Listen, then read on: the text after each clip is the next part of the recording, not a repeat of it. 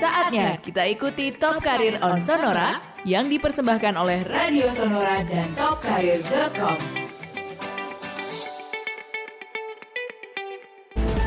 Top Karir on Sonora hari ini.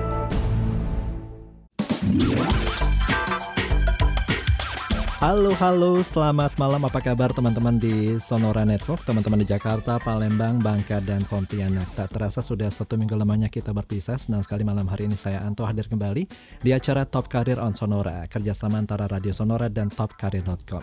Dan malam hari ini seperti biasa saya nggak sendirian, saya ditemani oleh Mas Bayu Janitra Wiryo Atmojo selaku CEO Top Career Indonesia. Halo Mas Bayu, selamat malam. Halo Mas Anto, sahabat Sonora Apa semuanya. kabar? Alhamdulillah baik. Malam kemarin absen ya? Absen. Sekali. Eh, ya kan kita gantian sama Diana ya. Jadi hari ini tugas saya. Oke. Berhubung Mbak Diana lagi nyiapin buat apa tahun baru Imlek besok oh iya, ya. besok tahun baru Imlek. Ah, betul. ah. Jadi malam ini dia harus menyiapkan sesuatu. kumpul sama keluarga di rumah. Betul sekali. Malam hari ini kita akan ngobrol mengenai topik yang seru banget ya Mas Bayu ya, Ya.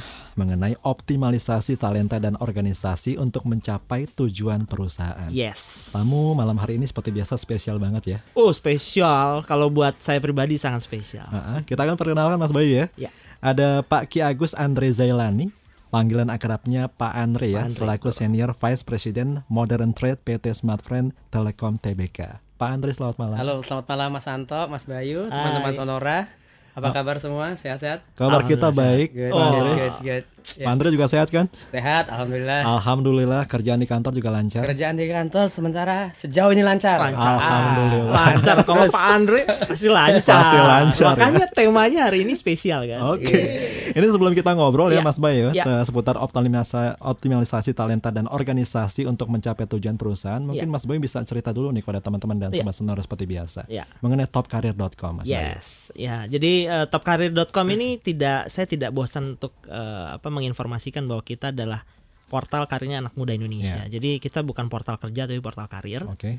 Nah, di mana kita hadir dengan lima eh, pilar Hmm. ya, yang ini kita hadirkan untuk anak muda Indonesia. Mm-mm. Jadi yang pertama kita punya kesempatan kerja sudah tentu ya. Jadi magang, pekerjaan tetap, pekerjaan kontrak, nah itu ada sendiri. Oke. Lalu yang kedua kita punya pelatihan sertifikasi, yang ketiga kita punya beasiswa ya dan kelanjutan studi, keempat kita punya tips karir dan terakhir yang baru kita launching adalah kewirausahaan. Oke. Nah, nanti upcoming nih eh, apa namanya Mas Anto, Ah. Kita di sekitar bulan Februari kita akan launching another product. Hmm. Nah, nanti pas di episode berikutnya kita akan cerita nih. Akhir Februari, pertengahan atau gimana nih? Eh, ini kayak kayaknya sih menurut kita ini seki- sekitar pertengahan Februari lah ya, Pertengahan biar Februari ya. dekat Valentine gitu kan. Ah. Cuma ngomong-ngomong bedanya portal kerja sama portal karir itu apa sih Mas Nah, jadi kalau secara prinsip sih, eh, seperti ini. Jadi Hmm. kalau portal kerja mereka hanya menghadirkan kesempatan kerja dan ya sedikit artikel lah ya, Oke. kurang lebih. Tapi kalau portal karir kita kasih kesempatan eh, ada lima pilar tadi. Kenapa? Hmm. Karena kita melihat eh, setiap anak muda Indonesia Hmm. yang sudah lulus studinya selalu punya dua pilihan, Hmm. membuka lapangan pekerjaan baru Hmm. atau mereka bekerja. Oke. Jadi dua opsi itu yang kita selalu jadikan eh, acuan terhadap apa yang kita jalankan di Top Karir. Hmm. Hmm. Jadi buat eh, sahabat Sonora yang penasaran silahkan cek di topkarir.com. Hmm. Di situ banyak banget apalagi yang punya anak ya Iya. usianya kebetulan sudah masuk eh, usia bekerja, nah itu Oke. bisa dicek topkarir.com. Jadi nggak cuma melulu soal lowongan pekerjaan Iya, ya, benar, namun juga membuat juga sekaligus Iya. mendevelop ya seseorang Develop ya. betul Ah, betul. Karena karir itu kan salah satunya ciri khasnya kan bagaimana kita berkembang. Betul sekali. Gitu.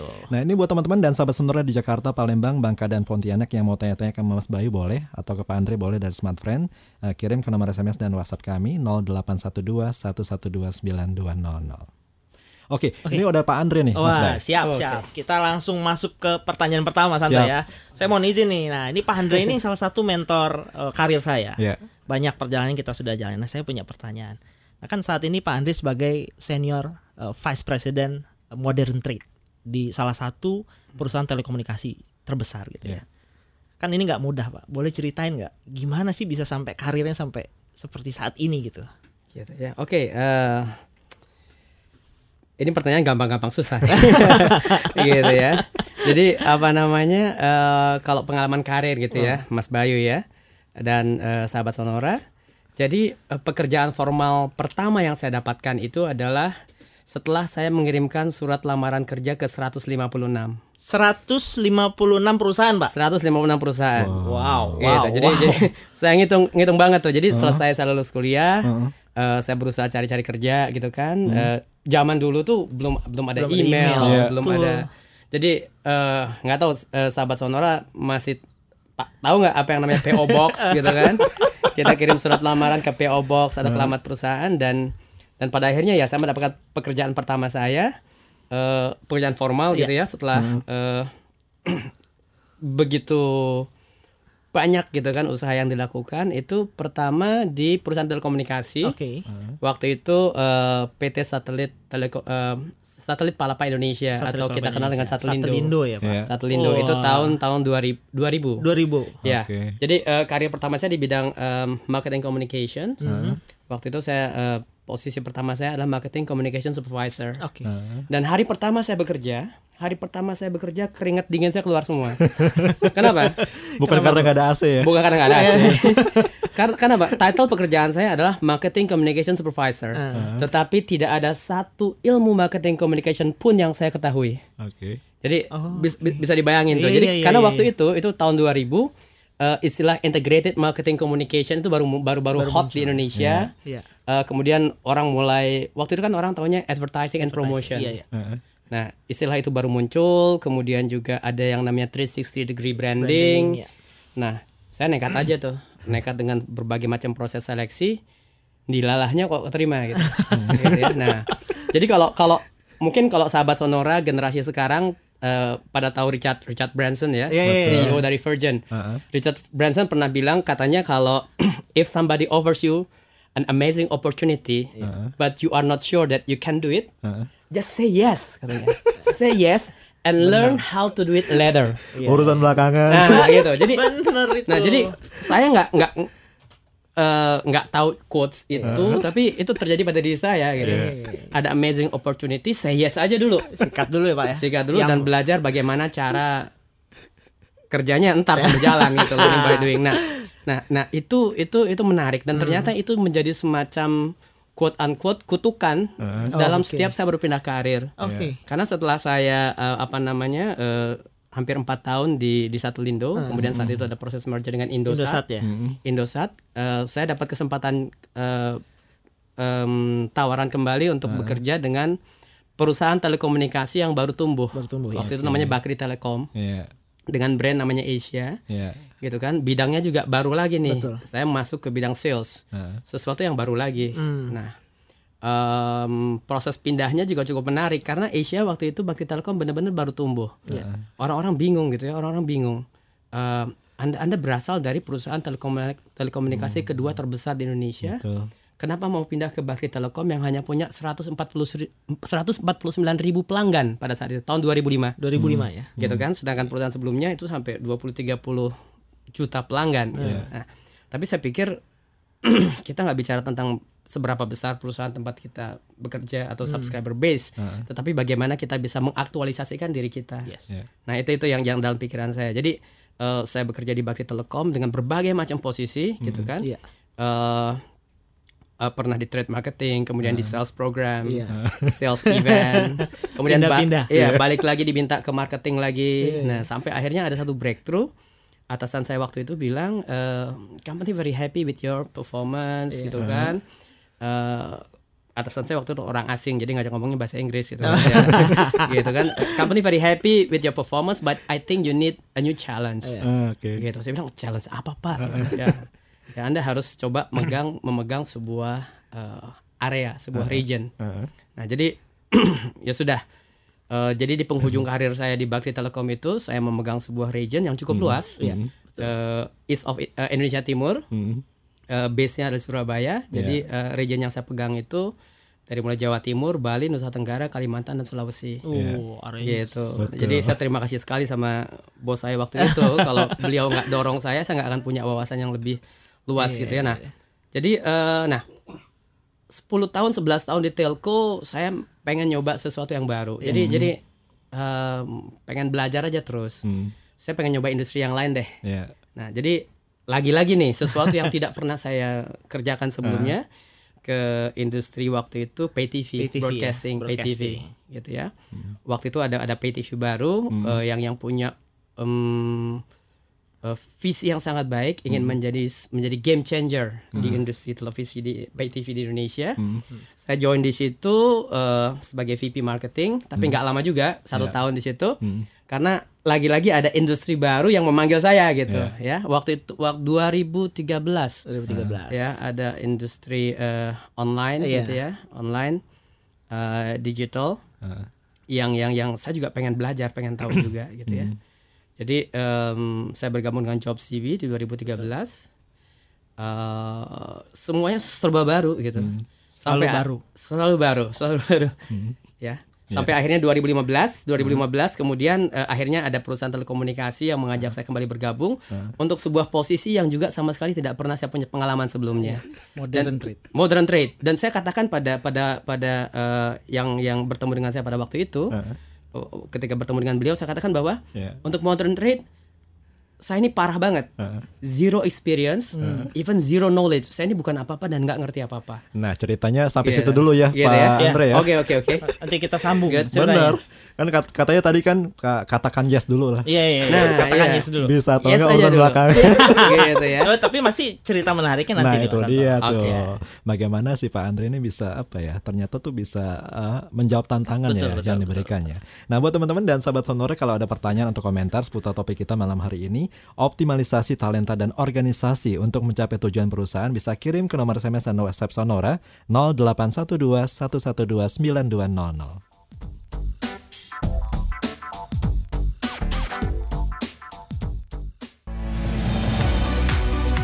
Station with Sonora, a part of Magentic Network.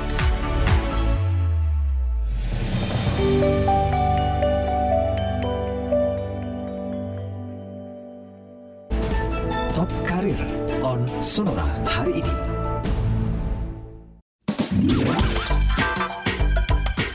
Iya, masih di acara Top Karir on Sonora kerjasama antara Radio Sonora dan topkarir.com. Saya masih bersama dengan Mas Bayu Janitra Wiryo Atmojo selaku CEO Top Karir Indonesia dan kita masih bicara mengenai optimalisasi talenta dan organisasi untuk mencapai tujuan perusahaan.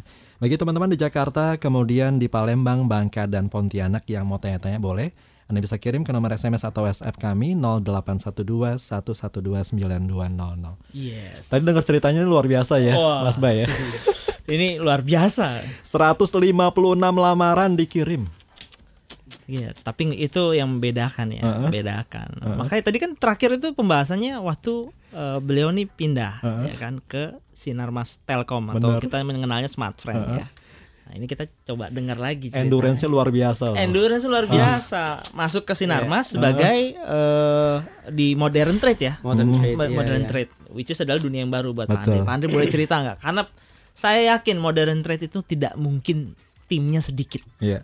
Benar nggak Mas Anto? Betul. Nah, coba iya, saya iya. pingin kita pingin dengar ceritanya nih dan Ah, sahabat sonora harus denger ini. Jadi eh, setelah saya coba dunia broadcast, kemudian online bisnis gitu kan, online industry, kenapa saya kembali eh, tertarik kembali ke telco? Karena waktu itu eh, Smartphone Telekom baru saja melakukan transformasi dari operator berbasiskan CDMA menjadi eh, 4G LTE, teknologi yang paling canggih lah. Dan saya senang jadi bagian dari transformasi tersebut gitu ya. Nah, eh, posisi yang waktu itu di eh, offer kepada saya adalah modern trade. Saya sudah sampaikan tadi di segmen pertama Iya. pengalamannya nol, pengetahuannya nol. Hmm. Tapi lagi-lagi say yes, habis itu belajar bagaimana cara melakukannya. Iya. Nah, eh jadi waktu saya pertama join itu timnya nggak terlalu gede sih, Mas Anto, Mas Bayu ya, dan dan sahabat Sonora. Waktu itu nggak kurang dari 50 orang lah, Kurang dari 50 orang. kurang dari 50 orang. Iya. Bahkan mungkin 30 orang gitu ya, 30 orang. Eh, tapi dengan dengan ya dengan kerja keras gitu ya, dengan dengan dengan strategi yang kita bangun, Iya. bagaimana kita bersungguh-sungguh mengimplementasikan strategi tersebut. Heeh. Nah, lama kelamaan ya bisnisnya juga berjalan dengan baik. Ya alhamdulillah dengan kerja keras dan teamwork dari semua tim eh, bisnis tumbuh berkembang, otomatis juga kita membutuhkan lebih banyak eh, orang dan saat ini sih kalau Mas Bayu bilang tadi seberapa besar, Iya. ada sekitar di bawah organisasi ini ada sekitar 700 orang lah. Wow. Wow, Dari- kalah loh itu lulusan satu angkatan SMK kalah. Enggak. nah, di- tapi 700 orang itu macam-macam ya. Jadi Iya. jadi ada ada ada ada G- beberapa orang GM, ada empat orang GM, ada Yeah. beberapa orang senior manager, manager, assistant manager dan sebagainya, dan juga eh, tentu porsi terbanyak adalah teman-teman yang ada di eh, frontliners, Oh, di ujung tombak eh, malah ya. promoters, eh, promoters sales ya promoters kita, sales promoter. gitu ya. Ya, which is itu kan salah satu eh, posisi yang kita suka ya kita bisa bilang anak-anak muda sekarang ya Betul. itu bilang agak sedikit ah kayaknya kurang keren kalau Iya. jadi orang sales gitu ya. Hmm. Tapi padahal sebenarnya kenyataannya perusahaan itu bertumbuh itu karena Betul sekali. ujung tombaknya Betul sekali itu garda depan. Garda depan dan Garda itu depan. ada keindahannya Mas Anto. Hmm. Keindahannya adalah kalau dia pengen kerja sales, dia tidak perlu backgroundnya lulusan sales. Oke. Karena memang gak ada jurusannya, Mas.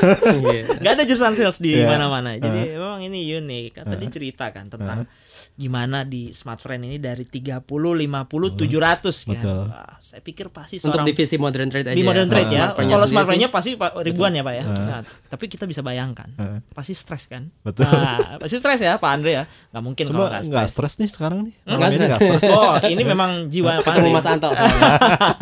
Nah, sekarang saya punya pertanyaan. Ini agak sedikit melenceng. Iya. Kalau lagi stres, Pak Andre, ya kan stres kan kerjaan. Itu hobinya ngapain sih Pak? Oke. Hilangin stres. Iya sih, kalau stres eh, nggak mungkin nggak stres gitu ya. Iya, Kerjaan saya commercial sales itu KPI-nya jelas, Oke. angka gitu Iya, iya. ya, numbers udah udah nggak bisa Target nggak bisa ya. diapa-apain Iya. ya, nggak bisa diapa-apain Oke. lah, udah jelas. Dan dan setiap hari kita berpikir dari hari ke hari tentang bagaimana kita bisa mencapai, Mencapai itu ya. target tersebut gitu ya. Pasti stres. Kemudian 700 orang kita mau mengelola mengelola manusia, managing people itu juga sangat stressful. Gitu. Kalau kita lakukan dengan sungguh-sungguh, dengan hati kita pasti akan akan muncul lah sekali-kali stres ya. Nggak sekali-kali sih, sering sering stres. Nah, Akhirnya ngaku. ya. gitu ya. Tapi kalau kalau di, di- nah nanti di belakang saya cerita gimana handle ini. Nah, tapi kalau Mas Bayu tanya gimana ca- cara saya untuk tanda kutip eh, lari sedikit Iya. dari stres itu adalah saya berekreasi dengan cara memasak. Oh, Oke. Jadi itu masak. masak. Jadi kalau buat saya masak tuh rekreasi. Rekreasinya Iya, masak iya, ya. iya, iya. Iya, iya, iya. Gitu. Terus kemarin baru lihat Instagramnya Pak Andre. Orang liburan ke mana gitu ya. Pak Andre liburan ke Thailand. Terus saya lihat timelinenya, wah belajar masak. Oke. Nah, Iya. cerita sedikit dong, sedikit aja. Itu di Thailand tuh ngapain, Pak? Itu Thailand. Jadi eh, iya waktu itu saya punya kebetulan ada ada ada ada waktu libur yang sempit gitu ya. Saya pergi sendiri ke sana. Ya belajar masak, benar-benar belajar masak, belajar masak makanan Thailand gitu. Hmm. Gitu. Jadi kita tunggu diundang nih Mas Ah, Andre. gitu. Kalau kalau saya masak kan agak serius. Jadi saya, Iya. saya harus belanja sendiri, beli bahan sendiri, ngulek sendiri, Betul. se- segala sendiri. Nah, masakan Indonesia udah udah banyak yang bisa saya lakukan lah ya. Enak apa enggak? Paling enggak menurut anak saya enak.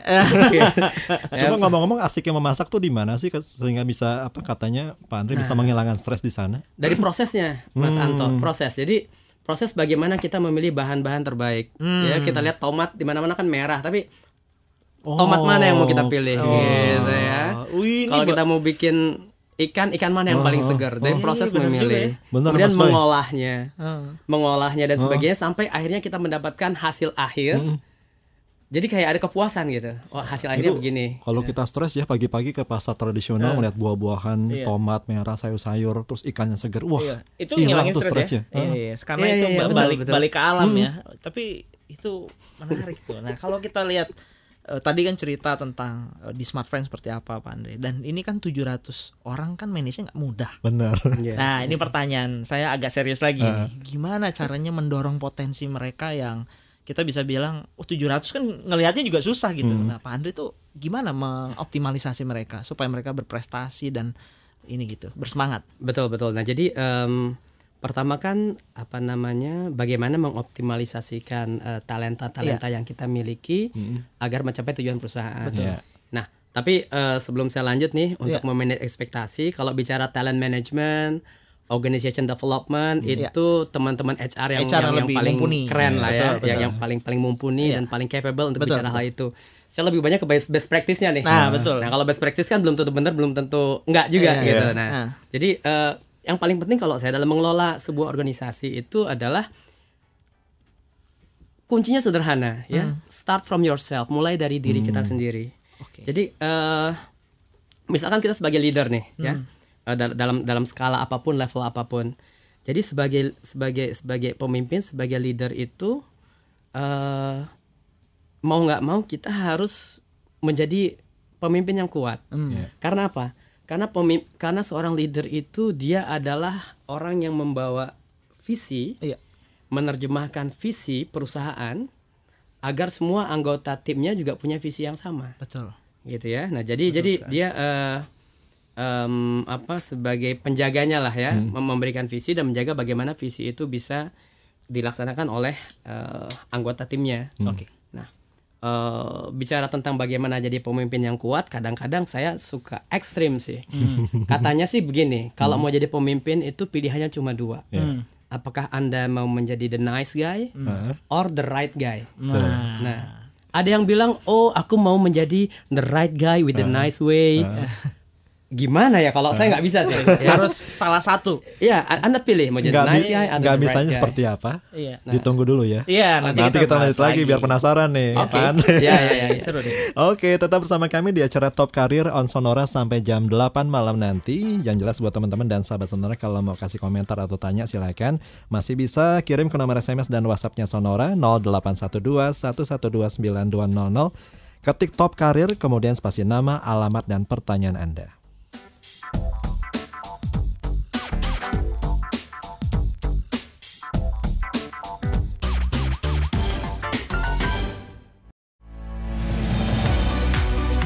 Station with Sonora, a part of Magentic Network.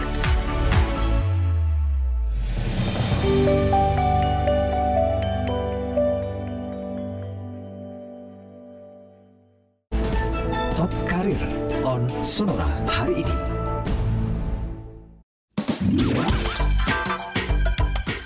Ya, buat teman-teman di Jakarta, kemudian Palembang, Bangka, dan Pontianak yang baru saja bergabung di acara Top Career on Sonora malam hari ini kerjasama antara Sonora dan topcareer.com, kita masih bicara mengenai optimalisasi talenta dan organisasi untuk mencapai tujuan perusahaan. Pertanyaan dan komentar bisa kirim ke nomor SMS dan WhatsApp kami 0812 112 9200, ketik Top Career, kemudian spasi nama, alamat, dan pertanyaan Anda. Mas Bay, tadi terakhir Pak Andre sempat cerita ya sebelum kita break. Betul. Katanya ada dua tipe pemimpin. Betul. Yang pertama ada nice guy. Nice guy. Kemudian yang kedua ada The right guy. Wah. ngeri. Cuma kata orang kan kita nggak bisa maksa ya. Meskipun Iya, kita iya, udah iya. berbuat baik, kita nggak bisa betul. maksa semua orang tuh suka sama kita, Pak Andre ya.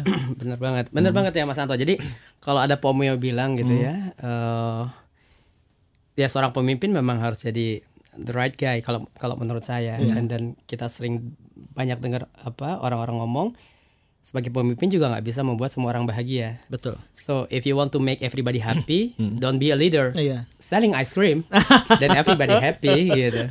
Katanya sih begitu, gitu ya. Nah, Betul tapi banget.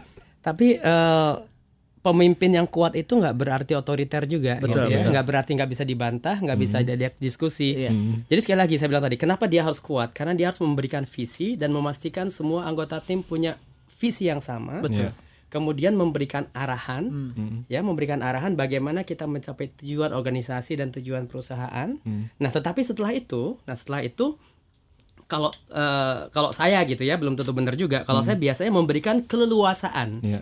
Setelah kita kasih tahu visinya apa, objektifnya apa, kita berikan keleluasaan kepada anggota tim Iya. eh, bagaimana cara mereka mencapai tujuan tersebut. Tujuan tersebut ya. Jadi dengan dengan begitu eh, mereka merasa eh, bisa bisa melakukan kre- kreativitas Iya. gitu ya, nggak kaku. Eh, kita juga berikan otoritas kepada mereka. Jadi jelas gitu, jelas otoritas eh, Sampai ini yang akan kita ya? lakukan, strateginya seperti ini. Otorita- Otoritasmu sebatas apa? Silahkan eh, berkreasi dengan otoritas yang diberikan itu. Iya. Nah, kalau kalau sudah seperti itu, jadi mereka nggak ragu lagi. Betul. Dan ketika tidak mereka tidak ragu, apa pun hasilnya nanti, apa pun hasilnya nanti mereka akan punya yang namanya akuntabilitas, Oh. gitu ya, akuntabilitas. Jadi saya bertanggung jawab terhadap eh, pencapaian eh, hasil, Hasil. dari eh, kinerja saya, gitu, gitu ya. Nah, nah, tapi terkadang juga kan di tengah jalan itu yang namanya industri telekomunikasi kan sangat dinamis, Betul, gitu ya. betul, Apa yang betul. kita lakukan di market langsung direaksi dan direspon sangat cepat oleh oleh kompetitor. Iya. Nah, karena itu belum tentu sebuah strategi bisa berjalan terus seperti itu. Betul. Pada kenyataannya nggak bisa seperti itu. Nah, untuk itu kan eh, diperlukan apa namanya ya, diperlukan eh, semacam corrective action lah ya. A- Apa yang akan kita lakukan. Nah, di situ ada proses diskusi, Betul. ada proses curah pendapat. Nah, kita libatkan eh, anggota tim kita, teman-teman dalam tim kita. Hmm. Kita lakukan apa yang namanya pemberdayaan. Iya. Ya, eh, kita undang mereka untuk memberikan gagasan-gagasan. Nah, dengan dengan dengan dengan seperti itu, ya ada rasa bahwa oh saya dilibatkan nih. Hmm. Dalam Saya proses itu dilibatkan ya. dalam dalam proses pengambilan keputusan. Jadi ketika ketika menjalankan sesuatu pun mereka merasa ya saya adalah bagian dari dari eh, rencana ini gitu ya. Nah, eh, sangat kalau saya sih sangat menghindari gitu ya. Jadi gini, sebuah organisasi itu tentu mempunyai fungsi dan bagiannya masing-masing ya. betul. Ada yang mengerjakan eh, ada kalau kalau di tempat saya itu kalau kita bicara eh, business flow-nya, business prosesnya, ada yang berhubungan dengan distribusi, Hmm. ya ada key account management yang berhubungan dengan partner-partner untuk memastikan ketersediaan produk di market. Iya. Ada bagian dari operations. Nah ini yang yang sangat sangat eh, luar biasa, biasa nih. luar biasa detail. Eh, mereka harus memastikan bagaimana eh, produk yang terdistribusi tersebut sampai ke tangan konsumen, Iya. gitu kan? Dan dan dan ini sa- sangat sekali kompleks. Ada juga tim business support. Mereka menyiapkan data, melakukan analisis, memberikan dukungan program-program. Hmm. Nah, bagaimana kita mengintegrasikan semua semua bagian-bagian ini Hmm. adalah dengan memberikan membuat teman-teman ini paham, Iya. semua paham akan tujuan bersama, gitu ya. Tujuannya sama, mereka paham. Jadi satu jalan. Dan juga kadang-kadang, kadang-kadang nih yang saya temukan di beberapa organisasi, kita terkadang underestimate terhadap teman-teman yang ada dalam posisi katakanlah em, support, admin. Oh, Yang justru nggak di Betul, core-nya ya, betul, seakan-akan betul. tidak di core ya. gitu ya. Oh dia dia tanda kutip hanya ya Iya. tanda oh dia hanya admin support. Dia cuma ngetik-ngetik Iya. kirim surat dan sebagainya gitu. Oh dia hanya tukang nyiap nyiapin data nah kalau kalau kalau yang yang coba saya bangun eh, budaya di tim di tim di tim di mana pun saya bekerja adalah tidak ada yang menjadi duar Oke. semua orang harus tahu Hmm. apa big idenya, apa konsepnya, apa strateginya. Sehingga ketika saya harus sekedar menulis surat atau mengirimkan dokumen, saya adalah bagian dari dari, Proses dari rencana itu ya. besar itu, gitu ya. Jadi nggak cuma oh kamu kirim dokumen, kamu ketik surat, Iya. kamu lakukan ini Iya. itu. Tapi mereka tahu mengapa saya harus melakukan itu Iya. dan mengapa saya harus memberikan yang terbaik untuk pekerjaan saya. Oke. Gitu. Ih, dalam banget ini. Iya. Jadi Dalam- filosofi masuk dalam eh, banget eh, ya? Itu filosofinya luar biasa, Pak. Dan Iya. itu ternyata di, diterapkan di eh, organisasi yang sebetulnya organisasi dinamis saat ini, seperti perusahaan-perusahaan startup Iya. itu melakukan. Hmm. Jadi bagaimana mengencourage timnya untuk berkembang lebih jauh. Iya. Tadi sebenarnya saya udah mau tanya, cuma Pak Andre udah udah kayak udah bisa membaca kepala saya gitu kan bahwa bagaimana sebenarnya tim itu bisa dilibatkan dalam proses dan itu tadi ceritanya sangat menarik. Eh by the way Mas Santo, saya mau eh, nyapa dulu teman-teman dari JWN nih, oke. jaringan Warkop Nusantara yang lagi dengerin. Ini sahabat-sahabatnya Pak Andre dan saya. Eh, jadi eh, tapi setelah itu kita ba- bahas lagi nih karena eh, kita lihat kan eh, dinamikanya sekarang. Pak Andre juga timnya mungkin banyak juga milenial ya Pak ya. Ya, cukup banyak. Oke. Saya boleh boleh tanya Pak Ande singkat aja Pak. Dua kata kira-kira yang merepresentasikan millennials di kantor Bapak ya. Ini terlepas di kondisi di luar ya. Kira-kira apa dua kata yang menurut Pak Andre? Oh ini millennials. Millennials banget. Cinta kebebasan. Cinta kebebasan. Tapi bener, bener banget Mas Santo ya, cinta kebebasan. Kita sempat bahas itu juga. Jadi cinta kebebasan bener juga. Mereka senang eh, tidak dikekang, diberikan ruang untuk berkreativitas betul, gitu kan. betul. Aduh, Mas Santo suka Temen kebebasan. saya punya ini, saya punya teman guru ya. Nah, kebetulan ngajar SMP. Iya. Itu SMP kan milenial kan. Betul, betul, Dia betul. nggak suka, milenial tuh nggak suka diajar apa kayak Satu arah. satu direction kayak gitu, Iya, iya, Mas iya. Bay. Iya. Makanya dia apa eh, kadang-kadang ngasih contoh lewat YouTube. Wah mereka senang banget kalau dikasih kayak gitu. Iya, memang dunia sudah berubah. Bener. Entah Nah terkait dengan karyawan, saya mau baca pertanyaan Pak ya. Oh, ini ada pertanyaan nih. Oh, ini udah udah, udah masuk pertanyaan Pak. Heeh. Kayaknya Ini- banyak nih. Udah ini- berapa ribu Mas Santo? Udah banyak Pak. Banyak ya, Pak. Biasanya ribuan nih pertanyaannya. Datang dari Mbak Diah ya. Eh, kalau bicara mengenai organisasi, eh, khususnya karyawan kan eh, pasti ada konflik ya antar karyawan ya Pak Andre ya. Pasti pernah ada. Nah kalau yang Pak Andre pernah apa selama ini lakukan dalam menangani konflik yang terjadi antar karyawan itu seperti apa? Oke, nah konflik antar karyawan gitu ya, Em, pasti ada aja gitu ya, pasti ada saja. Tapi yang kalau ditanya apa yang saya lakukan, pertama adalah eh, saya terbiasa gitu ya karena karena gini saya beruntung punya banyak atasan yang mendidik saya dengan baik sehingga ketika saya menjadi eh, katakanlah eh, memimpin sebuah organisasi juga banyak yang saya terapkan. Nah cara mengenai konflik jadi em, kami terbiasa di mana setiap orang itu mempunyai solusi untuk eh, diri mereka masing-masing, Iya. gitu ya, diri mereka masing-masing. Jadi ketika ada masalah, ketika ada masalah, yang ditekankan adalah anda jangan menjadi bagian dari masalah, Iya. tapi anda ada bagian dari solusi. Jadi eh, sangat jarang, sangat jarang eh, katakanlah orang datang ke tempat saya atau atau teman-teman yang datang untuk bilang, hey bos, gue punya masalah nih Hmm. Hampir nggak pernah gitu. Iya. Kalaupun ada bicara bahwa eh bos gue punya masalah, saya sudah melakukan ini ini ini ini, anda punya masukan nggak sih buat saya, gitu? Atau saya punya problem di pekerjaan ini, Hmm. Eh, apa namanya? Saya rasa cara untuk solusinya adalah solusi alternatif satu ini, alternatif dua ini, alternatif tiga ini. Bagaimana menurutmu? Ah. Nah, jadi ketik nah, jadi itu terjadi dalam dalam dalam ba- banyak banyak aspek. Jadi ketika ada, ada konflik pun juga mereka secara otomatis sudah bisa menyelesaikan sendiri di level mereka masing-masing. Udah udah ngobrol sendiri, udah saling ngomong sendiri. Tapi memang kadang-kadang ada juga sih, ada juga yang saya harus turun tangan. Nah, eh jadi menjawab Mbak mudah-mudahan menjawab Mbak Diah tadi, pertama adalah kembangkan budaya bahwa eh, siapa pun juga, siapa pun Anda, Anda adalah part of solution, not the problem. Iya, betul. gitu ya you are part of solution not the problem. Gitu. Jadi mereka otomatis akan menyelesaikan masalahnya, sendiri. tapi ketika kita harus turun tangan ya menurut saya sih eh, s- standar lah sewajarnya saja gitu Iya, ya. Iya. jangan terlalu jangan terlalu masuk dan terlibat dalam masalah gitu ya. Eh, intinya ya ya kita kita kita berikan ruang untuk mereka masing-masing menyelesaikan konflik tersebut ya Betul. baru kalau nggak ngerti juga tangan besi gitu ya at the end of the day tangan besi, Tangan besi. gitu. Mudah-mudahan nggak sampai ke sana Pak Andre ya. Bahaya ini kalau tahan besinya ke 700 orang bahaya Pak. Enggak juga, enggak juga. Bercanda Pak. Tapi ya itu tadi ya, itu tadi. Eh, ke- kita nggak, kenapa saya nggak kadang-kadang nahan-nahan diri Eh. untuk terlibat karena setiap orang itu diberikan otoritasnya masing-masing. Betul, udah Apabila kita ruangnya ya. kita mencampuri otoritas tersebut, nah orang jadi nggak percaya diri. Iya. betul, Jadi betul, betul. ini apaan sih gitu kan? Dikit-dikit dibantu, dikit-dikit di, direcokin. Kalau orang senangnya kalau ada masalah tuh biarin deh saya selesaiin sendiri. Cuma memang kadang-kadang butuh perantara itu untuk me- Betul. me- apa ya? Kalau saya Iya. bilang mengartikan. Benar. Iya. Tapi lagi-lagi ya managing people itu ya mengelola mengelola sumber daya manusia itu enggak enggak enggak enggak enggak enggak mudah gitu ya. Karena karena gini, saya membuka diri terhadap semua orang. Jadi 700 orang itu bisa berkomunikasi dengan saya kapan saja melalui media apa saja. Jadi Oke. bisa langsung komunikasi bisa ya. langsung bisa Wow. langsung.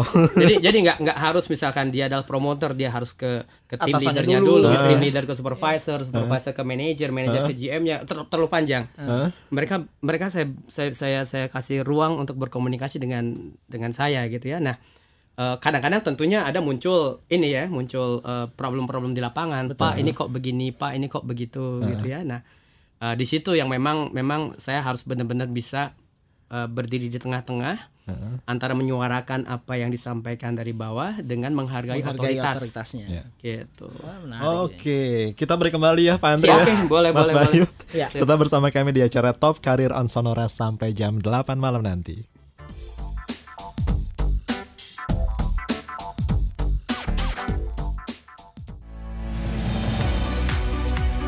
Station with Sonora, a part of Magentic Network.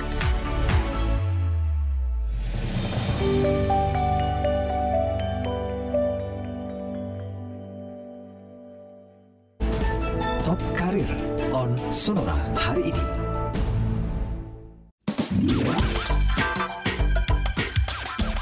Oke, kita lanjut lagi di acara Top Karir on Sonora kerjasama antara Sonora dan topkarir.com. Kita masih bicara mengenai optimalisasi talenta dan organisasi untuk mencapai tujuan perusahaan. Mas Bayu ini buat Ya. teman-teman dan sahabat Sonora ya, katakanlah Jakarta, Palembang, Bangka, dan Pontianak yang mau tahu lebih banyak mengenai apa itu topkarir.com bisa ke mana Mas Bayu? Nah, sebenarnya mudah sekali Ting- tinggal uh, follow di Instagram kita di @topkaryaindonesia. Hmm. Itu banyak sekali informasi di sana, Mas Hmm. Anto. Terus di Facebook juga ada, di, di search saja Top Karir. Hmm. Di Twitter juga ada, Top Hmm. Karir juga, Top Karir Indonesia. Nanti silakan dicek. Di Hmm. situ banyak kita update. Pertama, kesempatan kerja sudah pasti. Hmm. Kedua, informasi-informasi terkait tentang pengembangan karir seperti pelatihan, beasiswa, itu ada semua di situ. Hmm. Jadi eh, kalau mau mudah seperti itu atau kalau lebih simpel lagi sebenarnya eh, ketik di browser eh, sahabat sonora Hmm. www.topkarir.com terus jangan lupa di bookmark. Oke. Nah, ini paling gampang.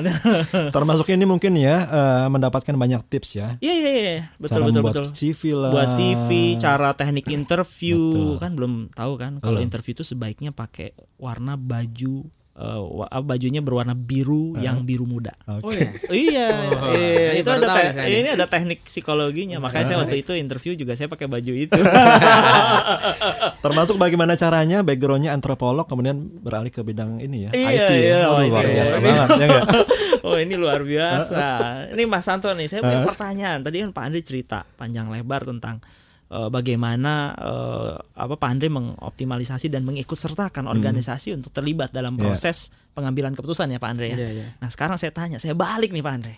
Sekarang misalnya nih sahabat Sonora nih baru mulai karirnya, baru mulai kerja gitu. Gimana Pak Andre? Punya strategi nggak supaya memastikan mereka nih step karirnya tuh clear dan Nah, Betul. lancar jaya ya. Betul. Nah Oke. coba.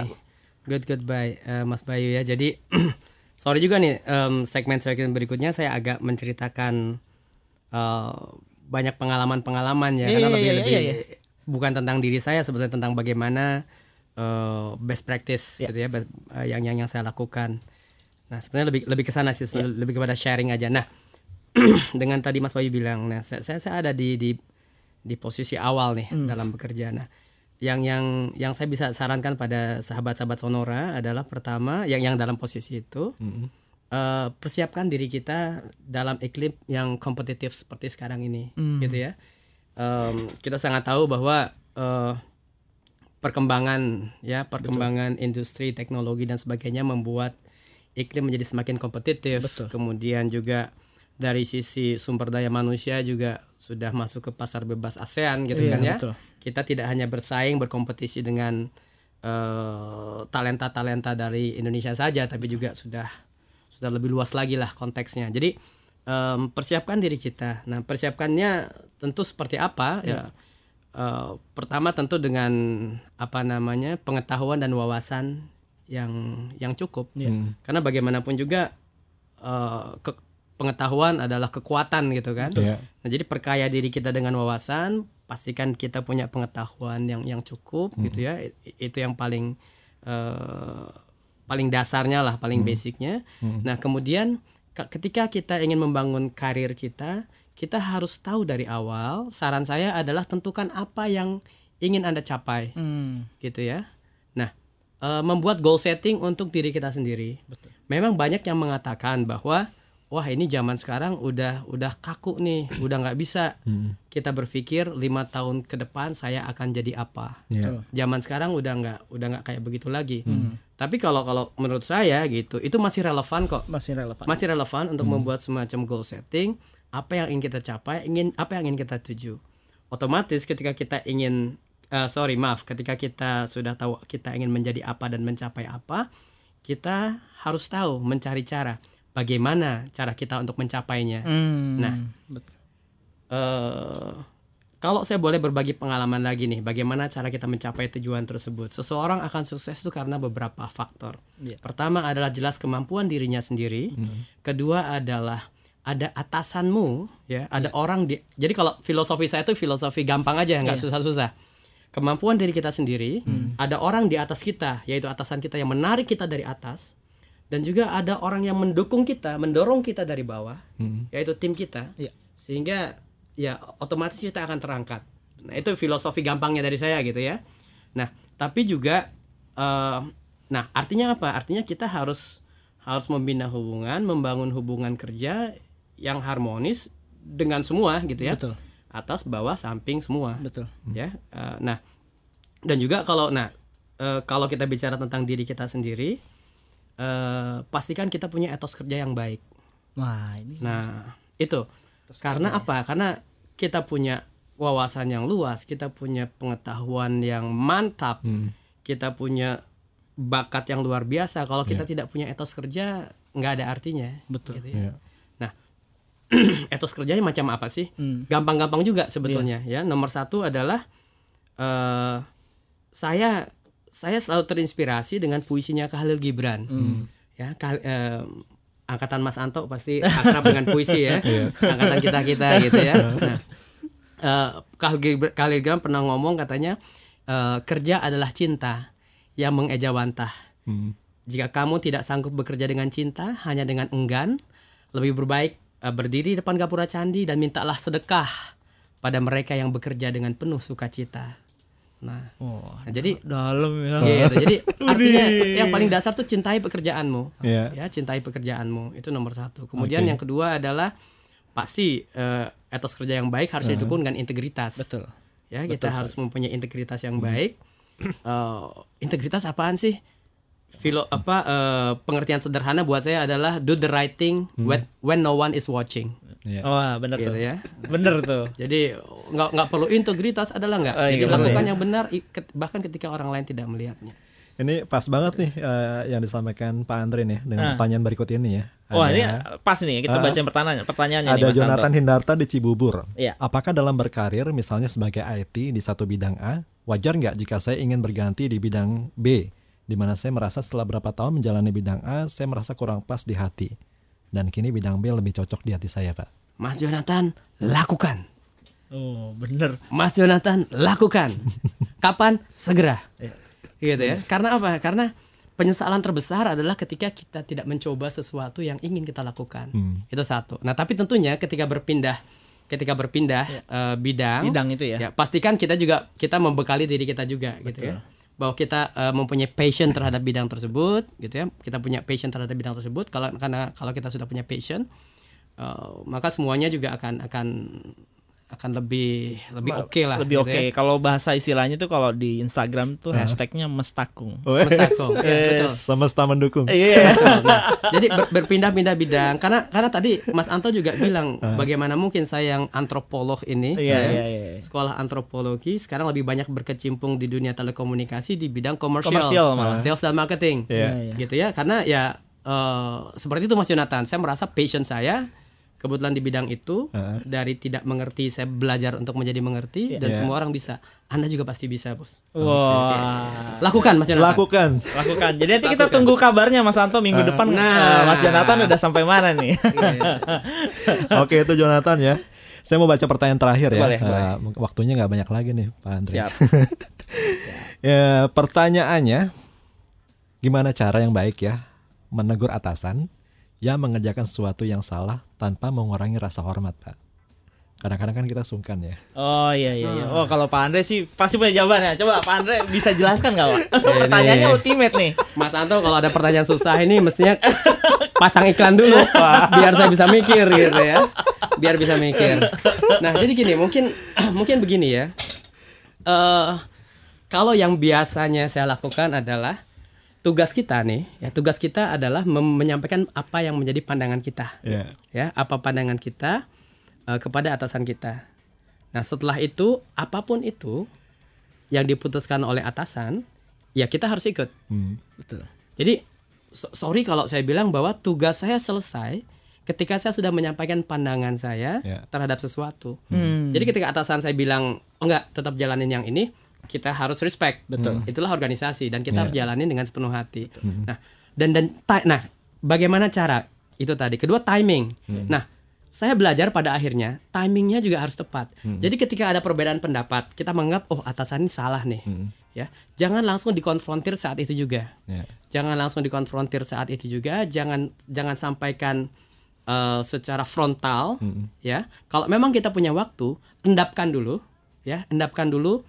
Kalau hitungan jam mungkin beberapa jam Iya. atau mungkin bahkan beberapa hari. Hmm. Setelah itu datang kembali, Ya. datang kembali untuk menyampaikan tadi. ya, menyampaikan hal yang tadi. Nah, kadang-kadang kita lihat timingnya juga nih Iya betul betul gitu ya. betul betul. Saya beberapa sa- saya orangnya kan panasan, pengen cepet. Kadang-kadang saya langsung konfrontir aja, konfrontir Oke. konfrontir. Akhirnya apa? Akhirnya patah. Iya. Baik. Akhirnya patah gitu. ya, jadi dua hal itu aja. Ah. Ya, cara dan timing. Ini nggak terasa ya Udah, udah Waktu kita nih? hampir habis nih. Nggak bisa Waduh, tambah Mas tiga jam lagi. Oh, bercanda-bercanda Mas Anto. Pak Andre, seperti biasa nih tamu-tamu kita di acara Top Karir Iya, ya. iya, iya.